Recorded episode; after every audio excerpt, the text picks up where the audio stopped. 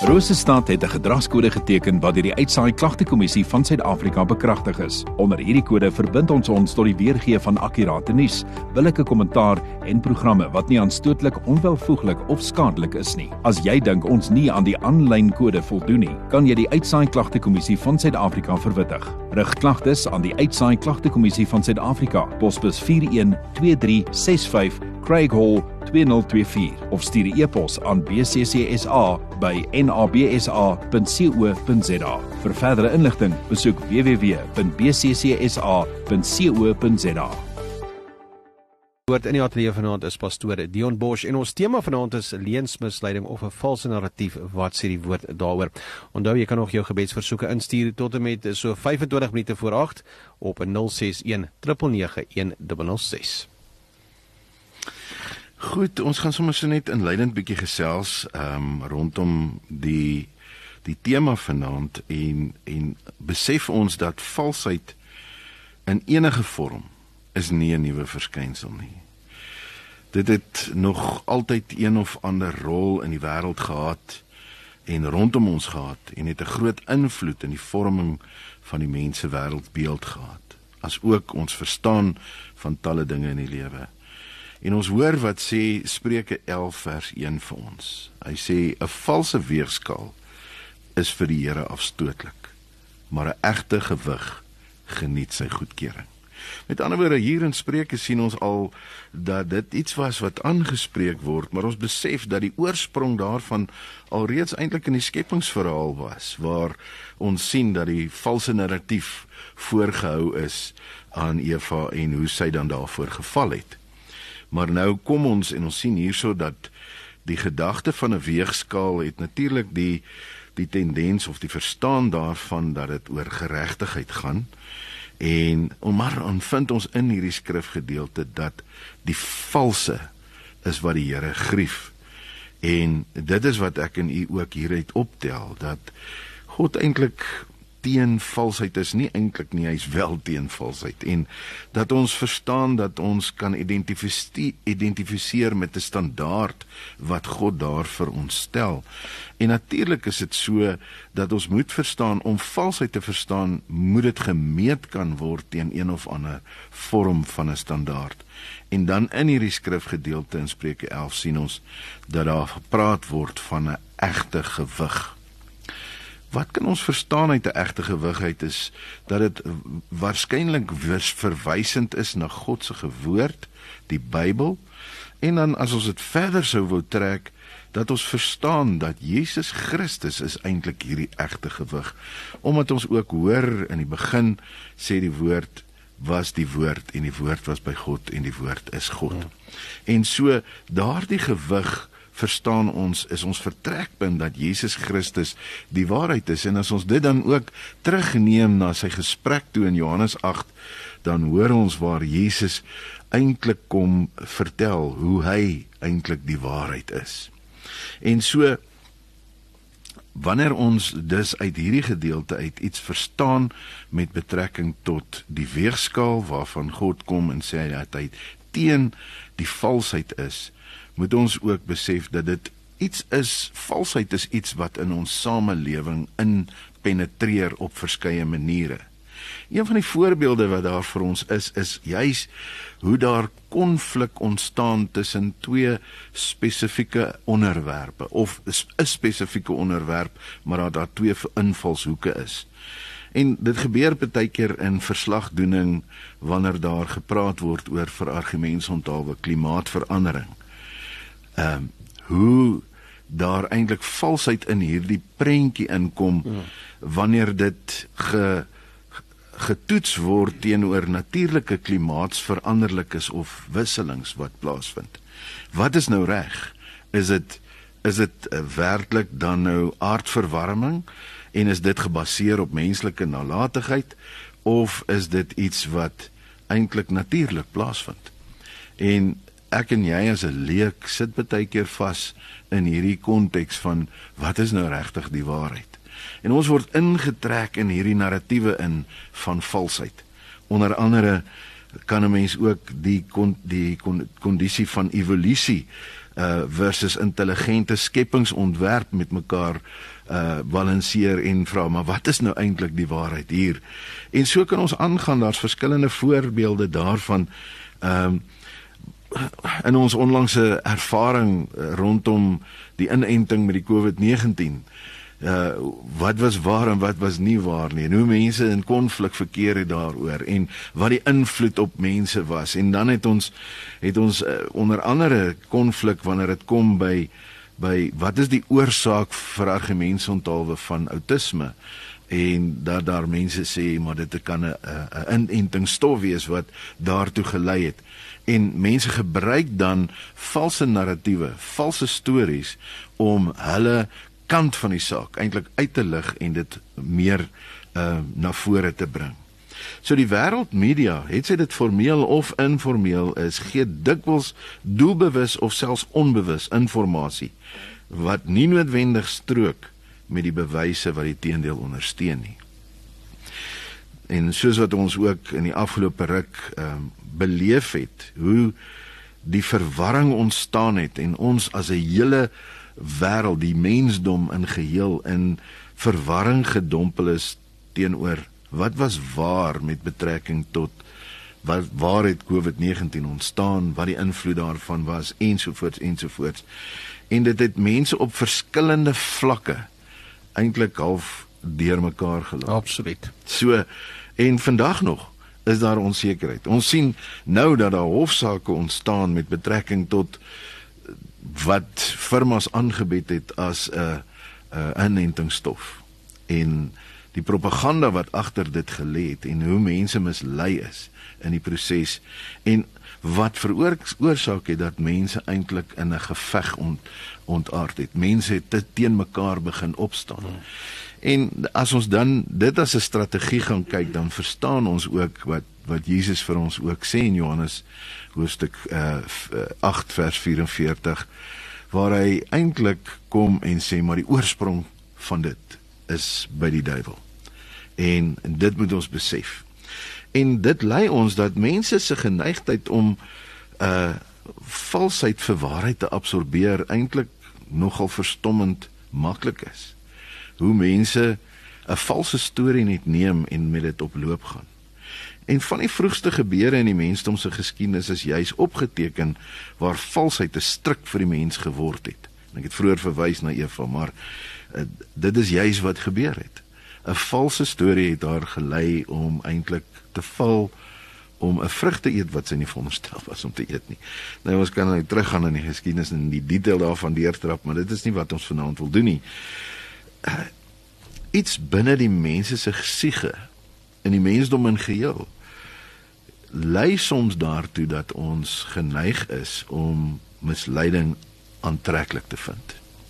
Iets wat dalk die storie aandik of mense interesseer, lei hulle na daardie prentjie toe en begin dan dieper in dit in te gaan en ons verstaan dat daar op verskillende maniere eintlik 'n uh, sameswering is, ons die Engelse woord daarvoor is conspiracy om mense in hierdie sameswering in te lok en hulle te laat saampraat en dinge te begin aanmoedig onder mekaar.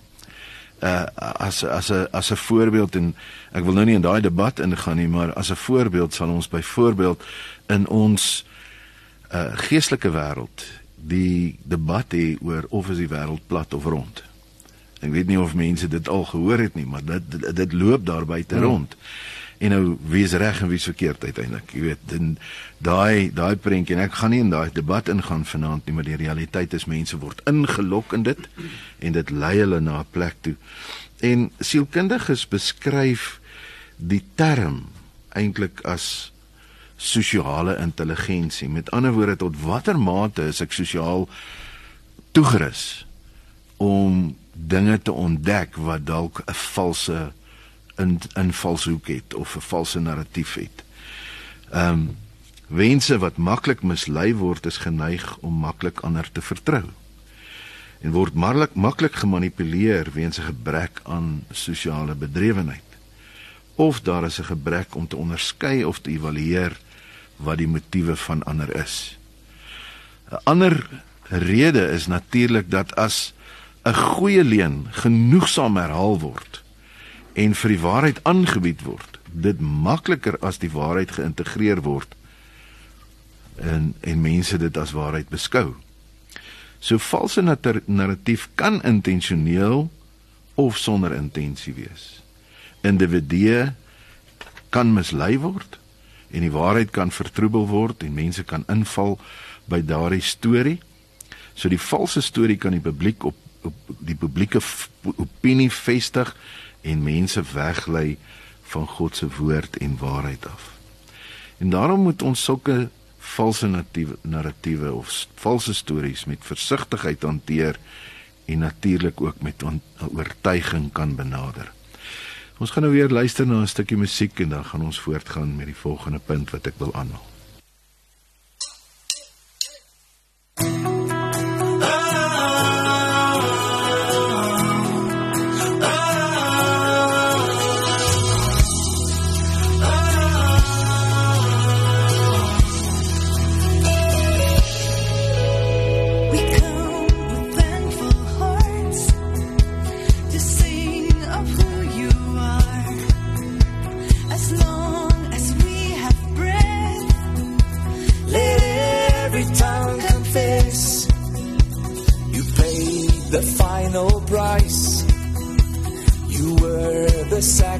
suffice. I'm washed by water pure, your word forever sure.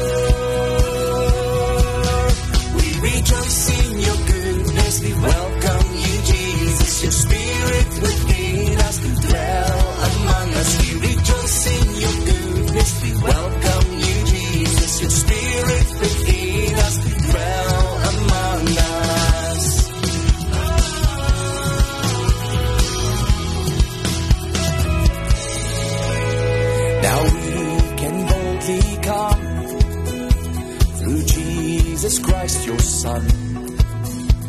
We're sanctified by grace, we're justified by faith.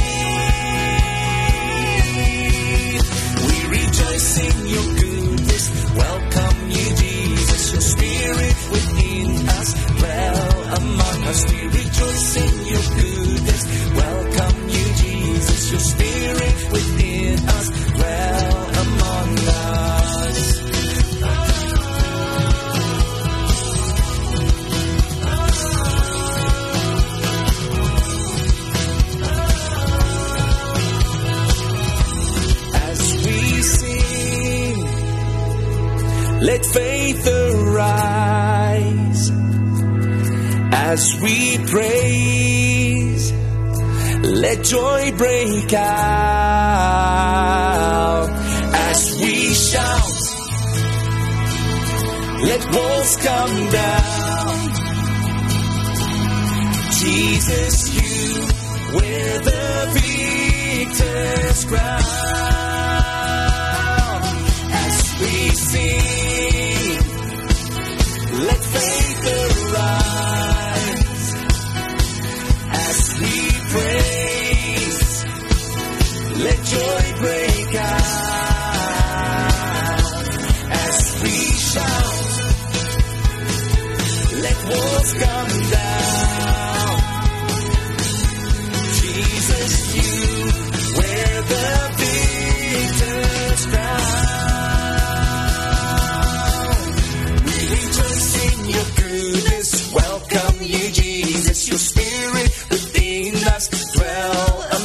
Wat sê die woord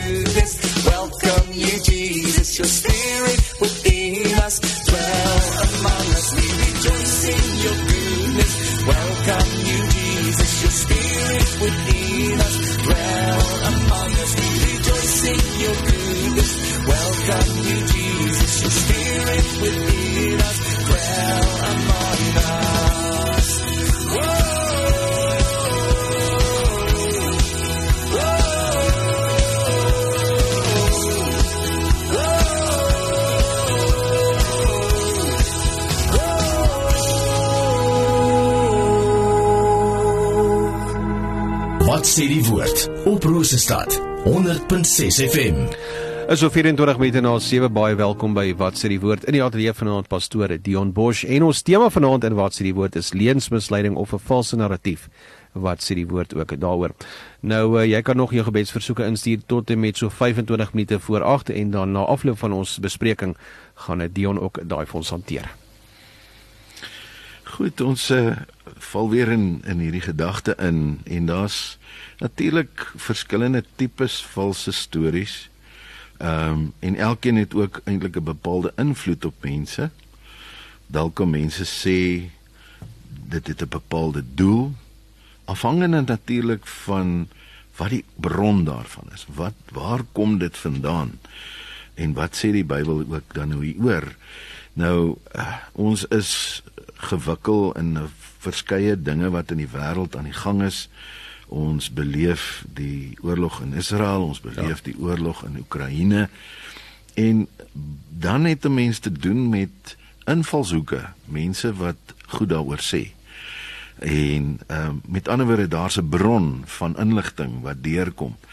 En natuurlik moet ons verstaan dat propaganda ook 'n vorm van valsheid kan wees. En met ander woorde, wanneer dit gaan oor 'n oorlog en wie is reg en wie is verkeerd uiteindelik, kry ons in Suid-Afrika eintlik half die oorspoel van wat die media daaroor sê ja. en verskillende media invalshoeke het ook 'n uh, politieke agenda en het uh, sekere uitkomste wat hulle graag wil hê deur dit en dit kan ook aangevuur word deur valse inligting en valse stories. Maar Wat sê die Bybel? Matteus 7 vers 15 sê vir ons: "Wees op julle hoede vir die valse profete wat in skaapsklere na julle kom, maar in hulle binneste wolwe is wat verskeur."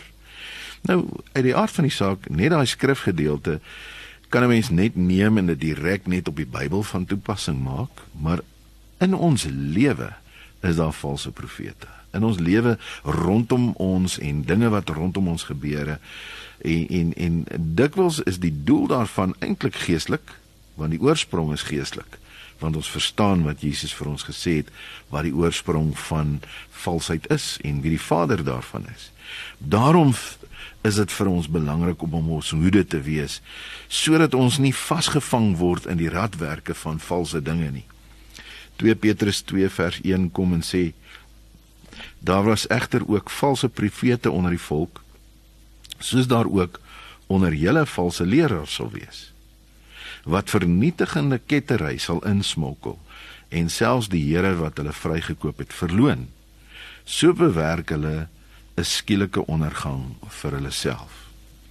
Weereens sê die woord ook vir ons in 1 Johannes 4 vers 1 geliefdes moenie elke gees glo nie maar toets die geeste of hulle van God kom want daar is reeds baie valse profete in die wêreld.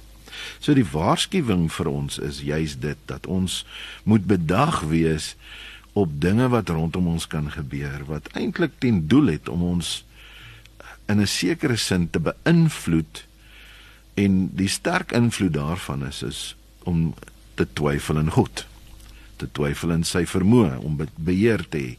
En uh, weer eens as ons teruggaan na Johannes 8 en jy kan gerus die hele gedeelte daar gaan lees in die gesprek wat Jesus met die Jode daar het.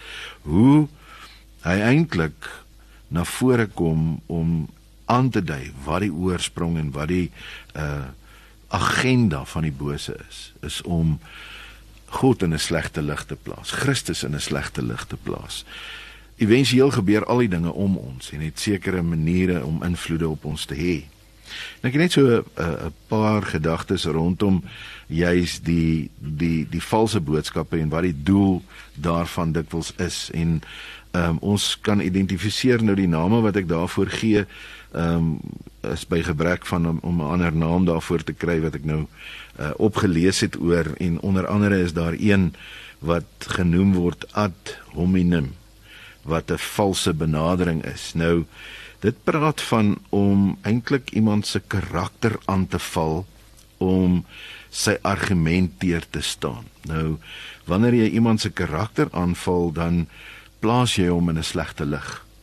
Onder andere kan 'n mens byvoorbeeld dink aan iemand wat 'n standpunt het oor ehm um, klimaatsverandering en hy het 'n sterk standpunt oor dit en dan kan 'n mens vir vir argumentsonthaalwe sou die benadering wees ehm um, sy opinie oor klimaatsverandering is is eintlik hmm. minderwaardig omdat hy 'n swak kok is vir argumentsonthaalwe.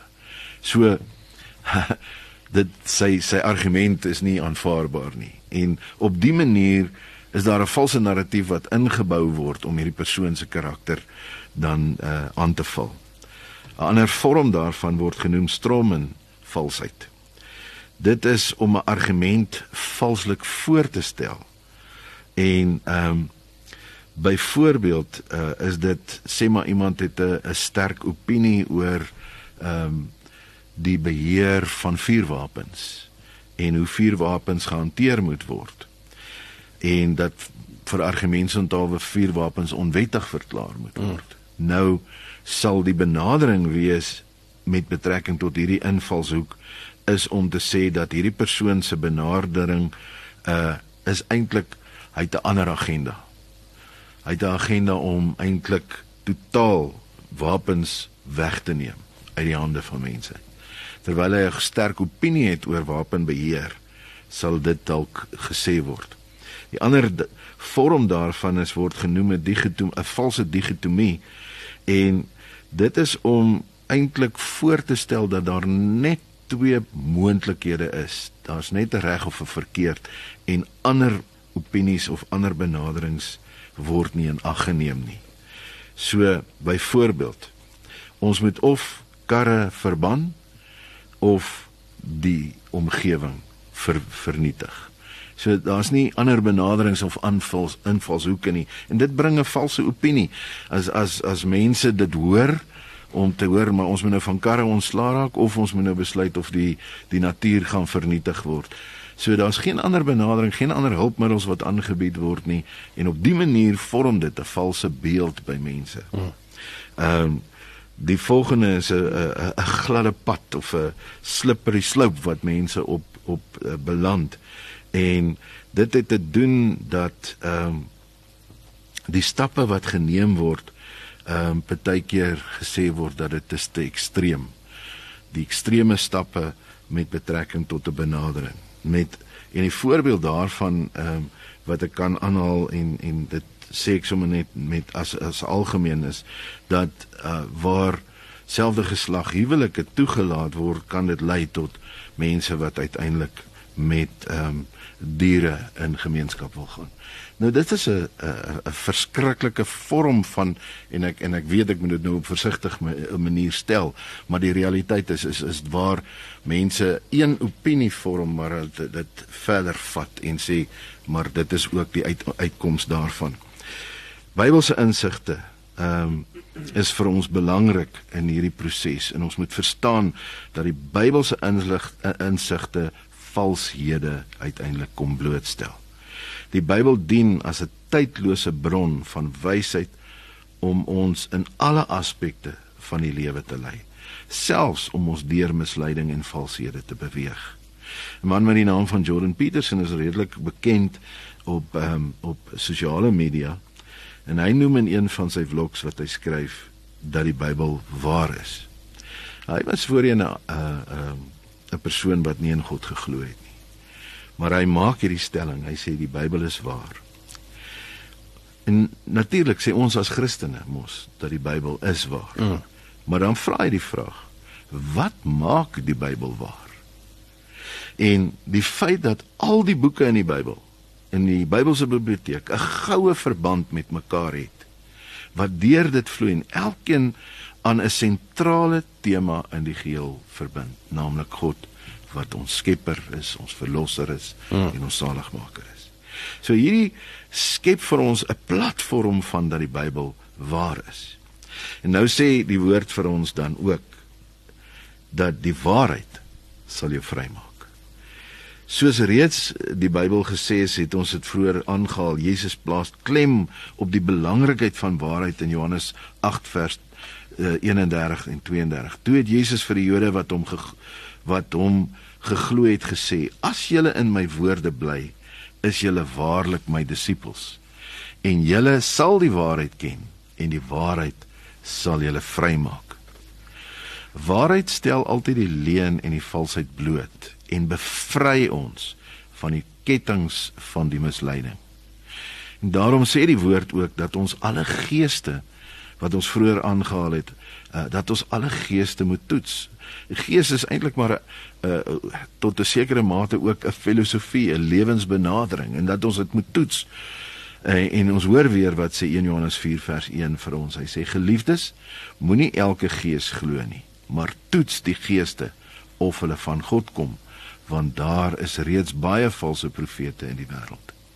Deur noukeurig en versigtig elke boodskap of liewer elke argument te toets vir valshede, deur dit te doen vervul ons eintlik ons Bybelse plig deur te toets wat ons mee gekonfronteer word. Die goed wat ons elke dag mee uh gekonfronteer word, moet ons gaan toets aan die woord en bepaal is hierdie waar of is dit nie waar nie? Is dit kom dit van God af of is dit iets wat 'n ander benadering het of 'n ander invalshoek of 'n 'n doel het? Ons sien ook dat uh ons kan die metode gebruik wat die Bereaanse gelowiges gebruik het. En ons lees daarvan in Handelinge 17 vers 10 tot 12. Die broers het Paulus en Silas toe dit nag geword het dadelik na Berea gestuur. Met hulle aankoms het hulle na die Joodse sinagoge gegaan. Die mense daar was meer welwillend as die in Tessalonika. Hulle het die boodskap baie geesdriftig ontvang en die skrifte daagliks bestudeer om vas te stel of dit so is. As gevolg daarvan het baie van hulle en ook nie 'n geringe aantal van die vooraanstaande Griekse vroue en mans gelowig geword. Net soos hierdie mense, behoort ons nou geset en toegewy die Bybel te bestudeer en inligting te evalueer teenoor Bybelse leerstellings. Neem byvoorbeeld die argument wat Paulus met die gemeente van Galasiërs gehad het. Hy vra hulle wie hulle so mislei het. Deurdat hulle aanvanklik in die gees opgetree het en nou in die vlees wandel. Galasiërs 1:6 sê ek is verbaas dat julle so gou van hom wat julle deur die genade van Christus geroep het weggedraai het na ander evangelie toe. Jy sien dit is wat dit is die dis die doel van valse inligting is om mense weg te laat draai van die ware evangelie af. Het sy dit is in die, in in 'n in 'n vorm wat op 'n wêreldse manier na mense toe kom of in ons geloofswêreld. Daar is nie 'n ander evangelie nie sê Paulus. Paulus, al is daar sommige mense wat julle probeer verwar en die evangelie van Christus wil wegdraai of verdraai. Met ander woorde, Wat ons kan aflei is dat kennis van die evangelie en Bybelse waarhede 'n groot rol vertolk in die weerlegging van valse narratiewe. Dis duidelik dat valse leermeesters en valse profete iets is wat ons in ons dae soos 'n veldpad sien versprei. Veral in die geestelike wêreld ook, in die geloofswêreld, sien ons dat daar verskeie valse boodskappe is wat besig is om versprei te word. En ons moet bedag wees daarop. Dit moet dit dit moet dus ook vir ons belangrik wees om die tendens te bestry met Bybelkennis wat 'n vaste fondasie bied vir waarheid wat geondersteun word deur kritiese denke en empatie bevorder wat gebou wat ook vir ons help om ons gemeenskapsbelange op te bou. So ons gaan nou weer luister eers na 'n skrifgedeelte dan gaan ons hierdie laaste paragraaf net so so bietjie uitbrei. All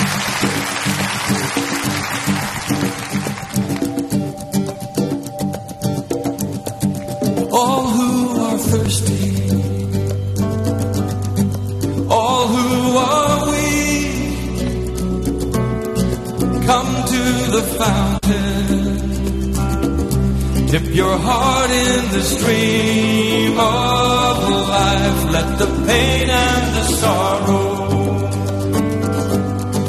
be washed away And in the waves of his mercy as deep cries out to thee we sing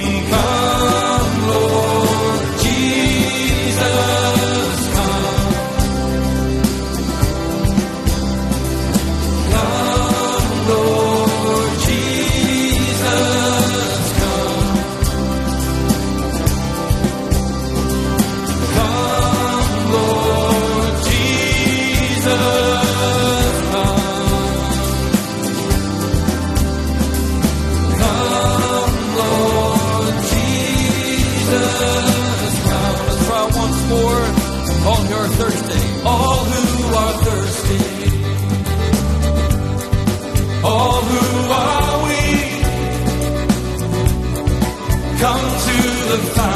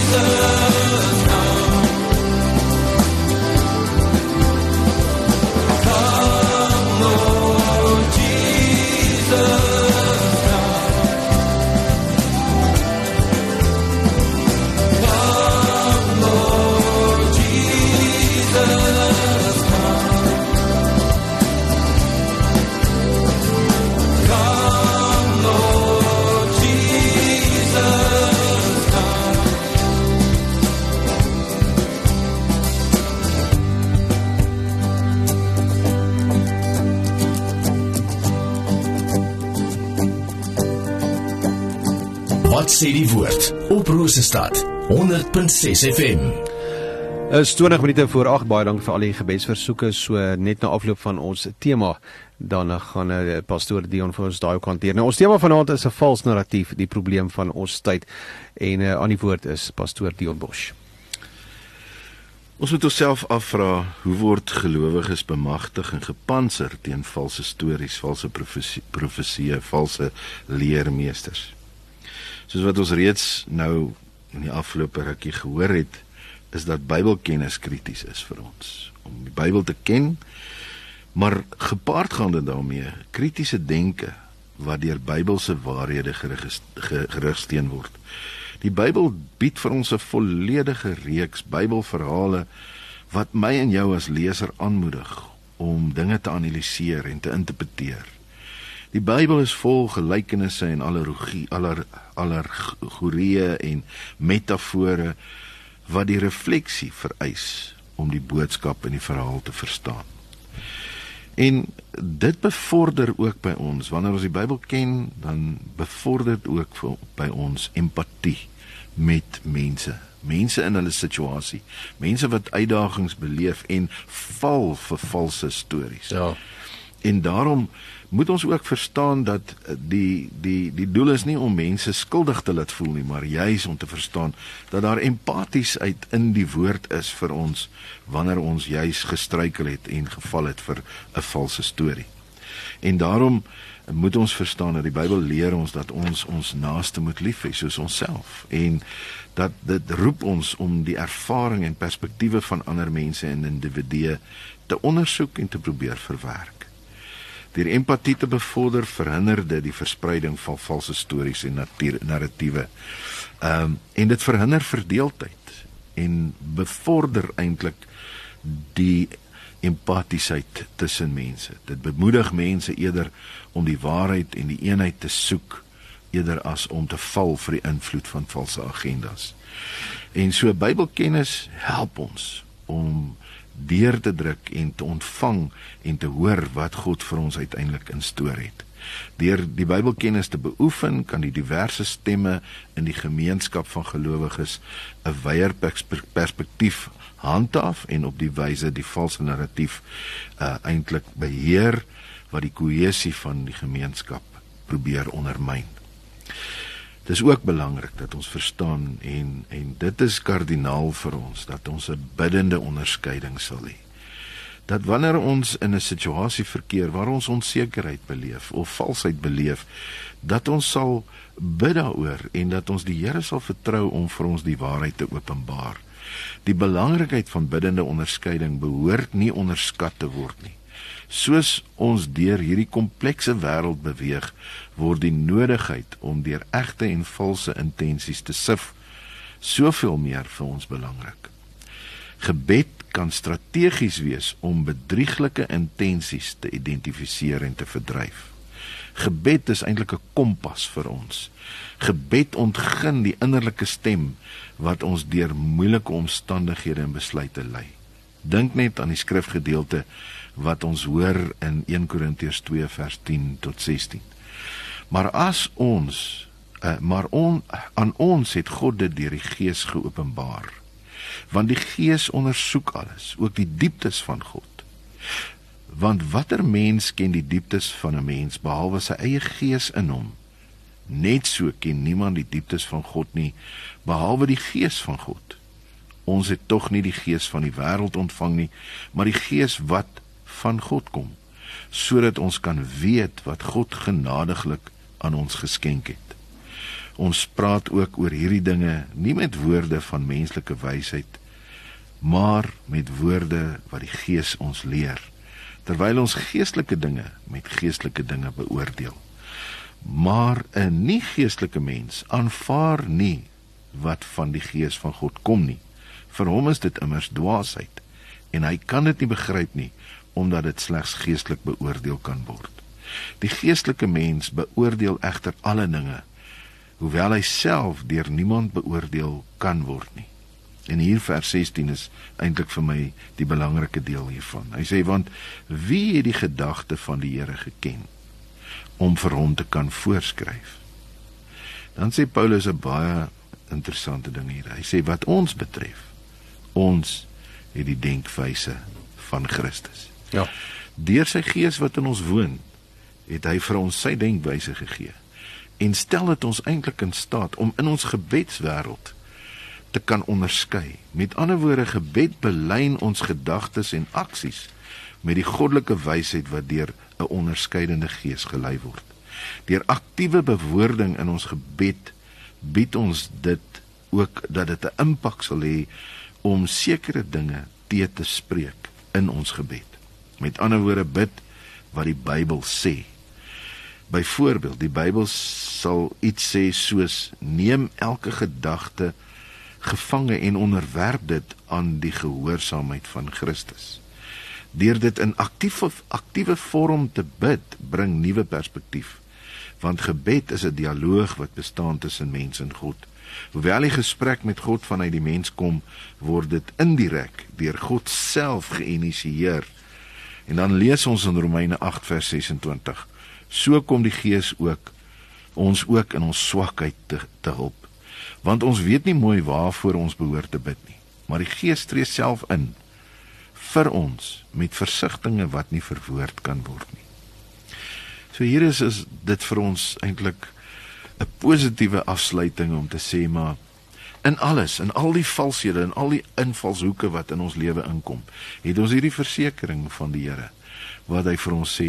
Selfs al weet jy dan nie hoe om te bid nie, mm. dat sy gees ons behulp sal wees om reg te bid. So terwyl ons die denkwyse van Christus ontvang het, sou dit belangrik wees dat ons daarna strewe om ons te belyn met die gedagtes en die waardes van Jesus Christus. Deur gereeld in gebed te verkeer, deur die Bybel te bestudeer, spesifiek wanneer ons gekonfronteer word met die valse stories van hierdie tyd. Mag ons dan in staat wees om dit te weer lê met gesonde Bybelse insig en waarheid as ook om die lig van God se waarheid in te skyn in die donkerte van 'n leuen. Dit was dan ons tema vanaand uh, saam met pastoor Dion Bosch, 'n vals narratief, die probleem van ons tyd. Nou ek gaan sommer dadelik oor na die gebedsversoeke, so baie dankie vir almal wat ingestuur het. Hier en daar is daar so enetjie wat ek uh, gaan moet verander. So baie dankie ook vir uh, die gebedsversoeke. Die eerste enetjie kom lees as volg: Here, dankie vir die heerlike reën, dankie vir die genade en liefde en dan ook vir my twee dogters wat besig is met eksamen en dan ook so vir al die matrieks. Johan van beskerming oor hulle hou. Dankie vir 'n warm bedwerk en die genade elke dag. Dankie ook vir my familie en vriende. Wees met elke persoon in die hospitaal aftree oord wat alleen en eensaam is en, en natuurlik net by die Here moet bly. Dan is dit baie baie. Baie dankie vir daai daai gebedsversoekie en uh, kom ons kyk na die volgende enetjie wat deurgekom het. Ehm um, Elmarie, ek gaan vir uh, Dion vra om daai enetjie vir jou apart te antwoord wat jy vir my ingestuur het. So baie dankie ook daarvoor. En dan uh, die enetjie gebruik uh, van 'n uh, volgende luisteraar is gebruik onder 'n skuilnaam Carla. So ek gaan hom so bietjie moet verander. Uh dit gaan maar net oor 'n voorbereiding vir haar wat sy vra oor haar dogter wat sy en haar dogter nie op dieselfde onder dieselfde vier sit die laaste paar jaar nie. En dan ook dinge wat gesê is rondom die klein seun. So al wat sy vra is maar net vir voorbereiding vir God dat hy sal ingryp en dat haar klein seun eendag ook sal verstaan en sal uh, die hoor wat die, wat is die waarheid. So ek het hom so 'n bietjie gewysig. Baie dankie vir is daai skuilnaam Karla. En uh, dan die volgende enetjie wat deurgekom het uh, is van Shelly of. Uh, vra my net vir voorbereiding vir my seun. Hy het 'n uh, hy werk oor seun, hy het 'n operasie gehad en uh, ons sy been aan sy been blykbaar so baie sterk ook daar vir jou seun Shelly het net nie sy naam bygesit maar baie dankie daarvoor. Dan een van Dennis ook of Naan sê ek wil net graag vir voorbereiding vir my vra vir my vrou Helene wat baie pyn in haar rug en been het en nog niks help nie. So baie sterkte vir jou Dennis en ook vir jou vrou. Kom ons kyk na die volgende enetjie wat ook uh, deurgekom het van uh, uh is uh, daar's nie 'n naam by nie, maar dit lees as volg: My vriend Donald is gediagnoseer met 'n gewas op die brein. Ons vra hom net ook vir voorbereiding vir dit. So ek hoop ek het by almal se gebedsversoeke uitgekom. Hier's nog enetjie ek vra net op verskoning. Uh naand uh, Marius se pastoor Dion uh, vra net vir voorbereiding vir uh ek het in my liggaam wat my lam laat en soms tyd het ek die Here se genesingskrag nodig want God alleen kan my genees. Amen.